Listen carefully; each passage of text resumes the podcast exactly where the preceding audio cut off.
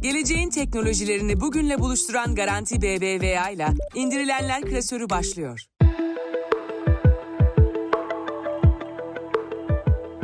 Herkese merhaba. İndirilenler klasörünün 20. bölümünde tekrar birlikteyiz. Garanti BBVA sponsorluğunda gerçekleştirdiğimiz bu bölümümüzde yine Erdem'le birlikte haftanın teknolojik gelişmelerini ele alacağız. Bu arada bugünkü bölümümüzün kaydını Podi stüdyosunda gerçekleştiriyoruz. Bunu da hemen yayının başına söylemek istedik. Erdem nasılsın? İyidir Uğur, senden ne haber? Ben deyim, teşekkür ederim. Yine dolu dolu bir gündem var. İlk olarak senin de takip ettiğin Lex Friedman'ın podcast ile ilgili bir gelişme var. Dilersen ilk olarak onunla başlayalım. Lex Friedman podcast'inin 398. bölümünde Metaverse dünyasına da atıfta bulunarak Zuckerberg'le bir yayın gerçekleştirdi geçtiğimiz hafta. Yayın hem podcast olarak yayınlandı hem de Metaverse'te gerçekleştirdi. Ben YouTube versiyonunu izledim. Yani Metaverse versiyonunu izledim. Meta'nın Reality Labs adlı bölümü tarafından geliştirilen Codec Avatar teknolojisiyle taktıkları başlıklarla birlikte siyah bir alanın üzerinde onları yan yana gördük. Halbuki kilometrelerce uzaktaydılar birbirlerinden. Bu Metaverse'ün deneyimsel olarak ekranlara ilk yansıdığı çalışma oldu benim takip ettiğim. Neler düşünüyorsun sen bu yayını takip ettin mi? Şimdi önce Spotify'dan dinlemeye başladım. Arkasından senin gibi YouTube'a geçtim. Çünkü senin de söylediğin gibi aslında orada görüntü çok önemliydi. Lex Friedman'ın katılması aslında Zuckerberg'in çok önemli. Çünkü Lex Friedman şu anda dünyada en çok dinlenen podcastçilerden bir tanesi. Ve aynı zamanda Lex Friedman'ın hem Elon Musk'la hem Mark Zuckerberg'le bir arkadaşlığı var. Hatta bu kafes dövüşü meselesini konuşmuştuk. O kafes dövüşü meselesinde bir dönem Zuckerberg'le antrenman da yaptı. Elon Musk'ı da çok yakın bir arkadaş olarak görüyor. Aynı zamanda Lex Friedman MIT'de araştırmacı yani otonom araçlar, insan robot etkileşimi gibi konularda çalışıyor. O da hani aslında Metaverse konusunda bir yorum yaptığında yani kayda değer bir yorum oluyor. O yüzden de önemliydi. Tepkilerini aslında ben birazcık takip ettim çünkü e, bir başlık kullandılar. Quest 3 başlığını kullandılar. Meta'nın satışa sunduğu. Bu başlık hani Metaverse'e giriş için hepimizin zamanla kullanacağını söyledikleri başlık. Yani Zuckerberg'in böyle bir iddiası var en azından.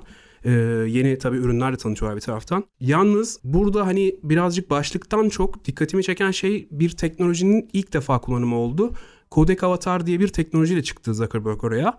Ve Codec Avatar aslında bizim daha önce Codec kelimesini hatırlıyoruz. Bir yazılım parçasını sembolize ediyor. Ee, bir verinin sıkıştırılması ve paylaşılması üzerinden yürüyen bir teknoloji. Bu da hani e, Zuckerberg'in anlatımıyla yine devam ediyorum. Bir üç boyutlu görüntünün ya da işte videonun aktarımındansa insanların daha önce taranıp bu verinin alınıp sıkıştırılıp gönderilmesi üzerinden gidiyor. Yani bu başlığı taktıklarında tabii mimikler algılanınca o mimikler gerçek zamanlı olarak bir görüntüye dönüştürülüyor. Bu hani benim dikkatimi çekti. Ondan bahsetmek istiyorum. Onun dışında başka hani başlıkla ilgili meseleler var. Hani bilmiyorum başka yorumun var mı? Direkt olarak onlara geçeyim mi? Yani heyecan verici. Bu Metaverse ilk konuşulmaya başlandığında ben pandemi döneminden şunu hatırlıyorum. İnsanların yan yana olmadan toplantılara fiziki bir görünüm şeklinde katılabileceği şeklinde.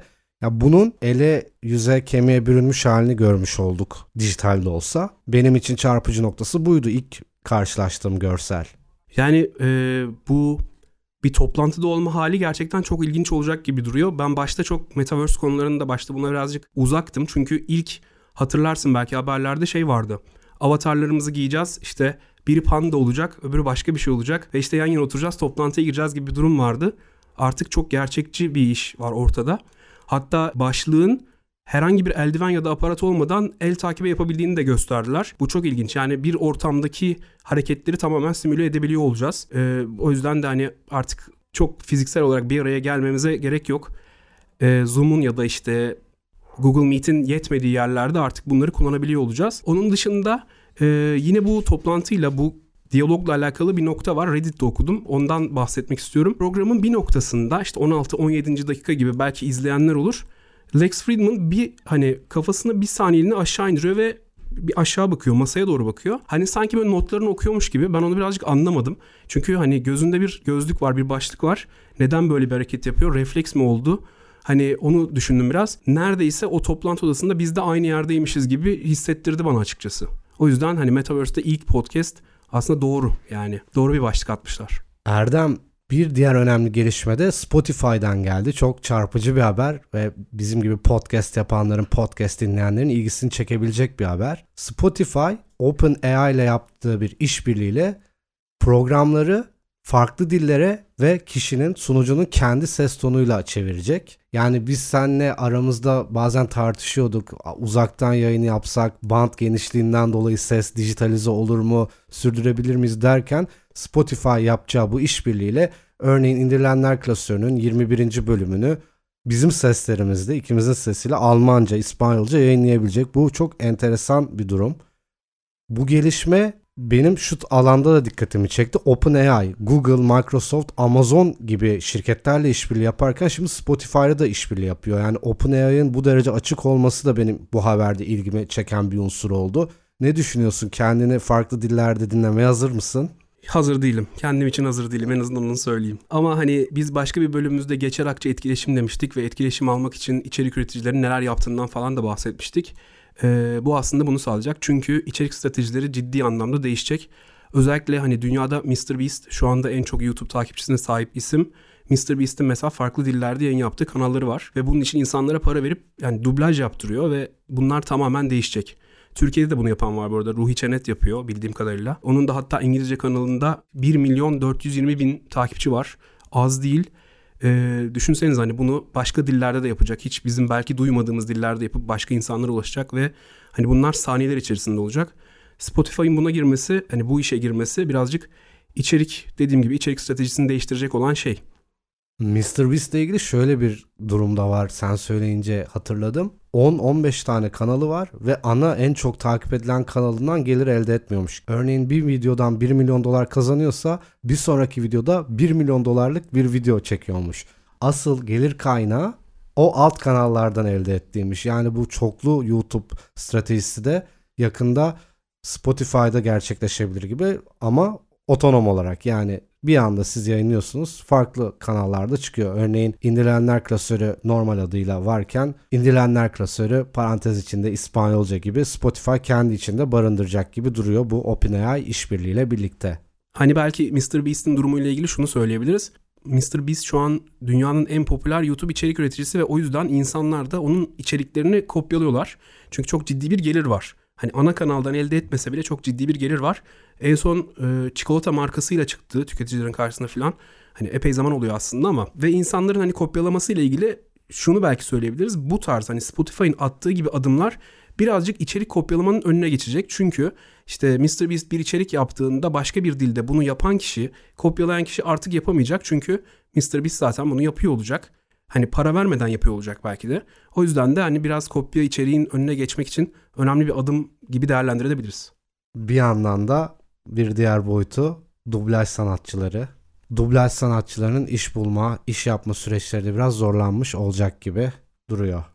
Bu arada dinleyicilerimize bir sürprizimiz var. Şu anda yanımızda Garanti BBVA'dan Gamze Tepe Hanım var. Kendisi dijital iş ve ürün geliştirme yöneticisi. Gamze Hanım nasılsınız? Hoş geldiniz. Merhabalar, teşekkürler. İyiyim. Siz nasılsınız? Bizler de iyiyiz. Neredeyiz? Teşekkürler davetiniz için. Gamze Hanım'la bölüm özelinde bir sohbet gerçekleştireceğiz. Bu sohbetimizde Garanti BBVA mobil uygulamasından yola çıkarak artık konu bizi nereye kadar götürürse belirli konu başlıklarını değinmek istiyoruz. Gamze Hanım siz de Garanti BBVA mobil uygulamasının ekolojik sekmesinden ve özellikle de ekolojik durumun deneyiminden bahsetmek isteriz. Neler söylemek istersiniz? Ne, ne gibi hizmetler sunuyor Garanti BBVA bu mobil uygulamanın ilgili sekmesinde? Ee, bildiğimiz gibi dünyada sürdürülebilirlik farkındalığı e, oldukça gün geçtikçe önem kazanmakta. Bu tabii zorunluluklar ve ihtiyaçlar doğrultusunda da böyle şekilleniyor. Aslında Garanti BBVA bir kurum olarak e, uzun zamandır sürdürülebilirlik ekseninde çalışmaları ana gündemine alıyor. Ana stratejilerinin belirlenmesinden e, faaliyetlerini gerçekleştirmekte e, önemli adımlar e, attı ve atmaya devam ediyor. Bu sorumluluk bilincini hem tabana yaymak hem de bir paydaş olarak e, müşterilerimizin de e, bu konuda bilgilenmesi ve aksiyonlar alabilmesi adına biz de dijitalleşmenin olanaklarından faydalanmak istedik. Yakın dönemde Garanti BBVA Mobil üzerinden bir e, sürdürülebilirlik ekseninde bir deneyim e, devreye aldık. E, geçtiğimiz yıl e, 2022'nin başında ekolojik durumun e, alanını müşterilerimizle e, buluşturduk. Garanti BBVA Mobil'in durum alanı içerisinde finansal durumu ve ekolojik durumu olmak üzere iki ana sekmemiz bulunuyor. Ekolojik durumun sekmesinde temel amacımız aslında sürdürülebilirlik kavramıyla müşterilerimizi buluşturmak, e, bu kavram hakkında farkındalık sağlamak veya farkındalığı olan müşterilerimizin de bu konuda aslında hem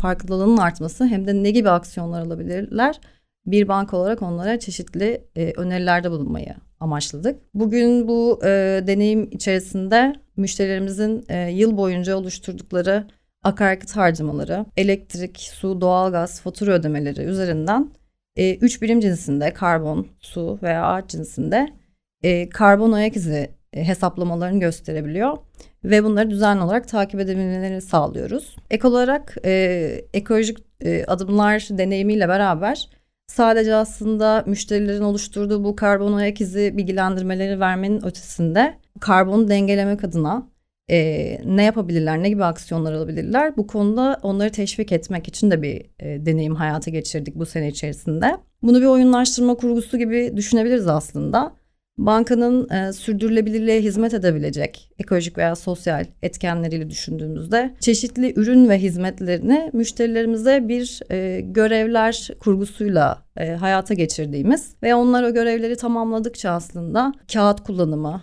e, elektrik veya e, akaryakıt tasarruf konularında hangilerinde aslında burada etki ediyor bu konularda bilgi verdiğimiz bir deneyimimiz bulunuyor. Örnek vermem gerekirse aslında bu görevlerden örneğin kağıt silip kullanmak yerine dijital silibi tercih etmek, ATM'de makbuz kullanmamak veya toplu taşımaya e, tercih ederek ulaşım kartlarına bankamız üzerinden, e, bankamız uygulaması üzerinden e, yükleme yapmak gibi görevleri içeriyor. E, belirli sayıda görevleri gerçekleştiren müşterilerimize onların e, isimlerine özel e, sürdürülebilirlik sertifikasıyla tebrik ediyoruz. E, daha fazla görev gerçekleştiren aksiyon olan müşterilerimize ise e, sürpriz bir ödülümüz var. E, bu sürpriz de tohum topu e, ödülü. Burada bir iş partnerimiz var. E, aslında Türkiye'deki ağaçlandırma konusunda ulaşımı zor alanlara e, dronlarla bir tohum topu atılışı gerçekleştiriyorlar. E, biz de müşterilerimizin adına özel tohum topu atılışlarını onlarla beraber gerçekleştiriyoruz. Ve e, belirli bir süre boyunca da aslında bu tohum topunun e, gelişimini de onlara haber vererek e, takiplerini de sağlıyoruz. Yani geleceğe yön veren, geleceği güzelleştiren fikirler. E, bu drone'la tohum topu atılırken ki anların bir kaydı. Drone deyince çünkü bizim aklımıza ilk olarak kamerası olan bir drone geliyor. Böyle bir ekstra bir görüntü kaydı oluyor mu yoksa sadece bir bilgilendirme amacıyla mı söyleniyor müşterilerinize? Hı hı. Bu operasyonlar gerçekleştiği zaman çok yakın e, zamanlı olarak aslında öncelikle bir bilgilendirme yapıyoruz bu operasyonun gerçekleştiğine dair. Daha sonrasında da bir özel e, e-mail ile bilgilendirme sürecimiz oluyor. Burada da tam da bahsettiğiniz gibi aslında bir video kaydıyla bu e, atılış nasıl gerçekleşti? Bu tohum topul e, atılışı için e, görev alan e, ilgili personel ne gibi süreçlerden geçti gibi bir e, hikayeleştirdiğimiz, e, bu konu hikayesini de paylaştığımız bir e, bilgilendirmemiz bulunuyor. Çok teşekkürler Gamze Hanım cevaplarınız için. Ek olarak orta ya da yakın vadede, yakın gelecekte Garanti BBVA'nın ekolojik sekmesinde ya da yine ekolojik durumum deneyiminde yenilikler, sürprizler görecek miyiz? Bunlardan da bahsetmek isterseniz böyle bir soru yöneltmiş olalım. Tabii çalışmalar devam edecek. Güzel adımlar attık geçtiğimiz seneden beri. E, ama daha yolun başında olduğumuzu da biliyoruz. E, aslında bu biraz bankanın da e, sürdürülebilirlik ekseninde sunduğu ve sunacağı e, ürün ve hizmetlerin e, zenginleşmesiyle müşterilerin finansman ihtiyaçları, ödeme kolaylıkları gibi ihtiyaçlarının aslında e, sürdürülebilirlikle harmanlanmasıyla e, bizim de bu doğrultuda dijital kanallarımızdan bunları daha erişilebilir kılmak e, veya daha cesaretlendirebilecek deneyimler sunmamızı e, sebep olacak. Bunun dışında temel odağımız e, ekolojik durumundaki bu e, görevlerin, aksiyonların zenginleştirmesinin yanı sıra e, veriyi de kullanmak olacak. E, veri bugün bildiğiniz gibi çok önemli. E, müşteriyi tanımak, müşteriyi farklı yaşam evrelerinde, e, gündelik hayatında daha fazla tanımak. E, sadece bankadaki e, hayatıyla değil belki ama bütün aslında hayatını holistik bir şekilde e, tanıyarak biz ona e, nasıl tasarruf önerileri verebiliriz? E, az önce örneğini verdiğim karbon ayak izi e, hesaplamasını daha nasıl bütüncül sunabiliriz e, gibi konular ana odağımızda olacak. Bu verileri işleyebildikçe de aslında onlara daha kişiselleştirilmiş ve daha akıllı öneriler, e, hayatlarını daha kolaylaştırıcı e, öneriler sunma ve bilgilerini daha e, kapsamlı bir şekilde e, gösterebilme e, imkanına sahip oluyor olacağız. Aslında önümüzdeki dönemde e, özellikle 2024 yılı içerisinde odaklanacağımız konular bunlar olacak. Sürdürülebilirlik gerçekten çok kritik ve çok hayati bir konu aslında. Garanti, BBVA gibi değerli markaların da aynı zamanda sponsorumuzun da bu konuda ciddi aksiyonlar almaları bizim için çok değerli. Gamze Hanım çok teşekkür ederiz. Gamze Tepe bugün bizlerle birlikteydi. Garanti BBVA Dijital İş ve Ürün Geliştirme Yöneticisi. Çok teşekkürler Gamze Hanım. Ben teşekkür ederim. İyi yayınlar. Evet Gamze Hanım'ı da uğurladıktan sonra bir sonraki konumuzla devam ediyoruz. SEC yani ABD Menkul Kıymetler ve Borsa Komisyonu Elon Musk'a bir dava açtı. Haberleri aslında çok önce olmuş bir olayla ilgili bir dava bu. Çünkü e, Elon Musk daha önce Twitter'ı satın almıştı ve o dönemde yaşanan bir hikaye. Yani şöyle biliyorsun senle yayınlarımızda da bahsettik. Bu Elon Musk'ın Twitter'ı satın alma süreci çok karmaşık hatta kaotikti. Hatta sonradan yönetim kurulundaki birkaç kişi ihraç etti, görevini sonlandırdı. Haberin kısa detayı şöyle, senden detaylı yorum alalım akabinde. Twitter'daki hissesini gecikmeli olarak açıkladığı için bir sorun yaşadı. Sonra ifadeye çağrıldı. İfadede ifadeye de gitmemiş. İfade vermeyi reddetmiş hatta okuduğum kadarıyla. Yani ifadeye de gitmemiş derken böyle kaçan bir çocuk gibi oldu ama aslında birazcık o dönemi ben e, haberleştirdiğim için de biraz hatırlıyorum. Elon Musk önce Twitter'ın %9.2'si gibi bir hisse sahibi oldu. Arkasından şirketi satın almak için bir talepte bulundu. Şimdi bu 9.2 şu demek şirketin en büyük hissedarı olmak gibi bir aslında payesi var bunun. Ve %5'i geçtikten sonra bir açıklama yapmak zorundalar. Bunu kamuya duyurmak zorundalar SEC üzerinden. Ve aslında bununla ilgili e, bir bildirim yapmadığı için bütün bu şeyle uğraşıyor şu anda. Bir de orada şöyle bir olay yaşanmıştı. İki tane form vardı. Bir tanesi şirket hissedarı olmayla alakalı. Diğeri de şirketin hani aktif rol oynayan bir hissedar olmayla alakalı bir formdu. Ve e, yanlış formu doldurdu gibi bir durum da oldu orada. Aslında bunu da taktiksel olarak yaptı ve orada 150 milyon dolar kar ettiği falan söyleniyordu. Tabii hani Elon Musk bunu daha önce Tesla'yla da yaşadı. Tesla'yla da bir sekle bir kavgaya girdi. Ee, ve oradan aslında galip çıkmıştı. Öyle diyelim en azından bir uzlaşmaya varılmıştı. Elon Musk aslında işini biliyordur. Twitter'la ilgili yaptığı şeyde de birazcık yani tamamen buna uygun bir hamle yapmıştır diye düşünüyorum. Denenmiş, geçmişte denenmiş bir strateji diyebiliyorsun. Tabii yani sonuçta büyük bir güç bu yollardan geçmiş kaçıncı şirketi. Erdem sıradaki haberimiz milyonlarca kullanıcısı olan bizim de aktif olarak kullandığımız Gmail ile ilgili. Gmail'e emoji ile tepki verme özelliği geliyor. Yani mailleşirken artık Slack'te, WhatsApp'ta olduğu gibi bir içeriğe, iletiye daha doğrusu tek bir emoji ile cevap vermek Android kullanıcılarının hizmetine sunuldu.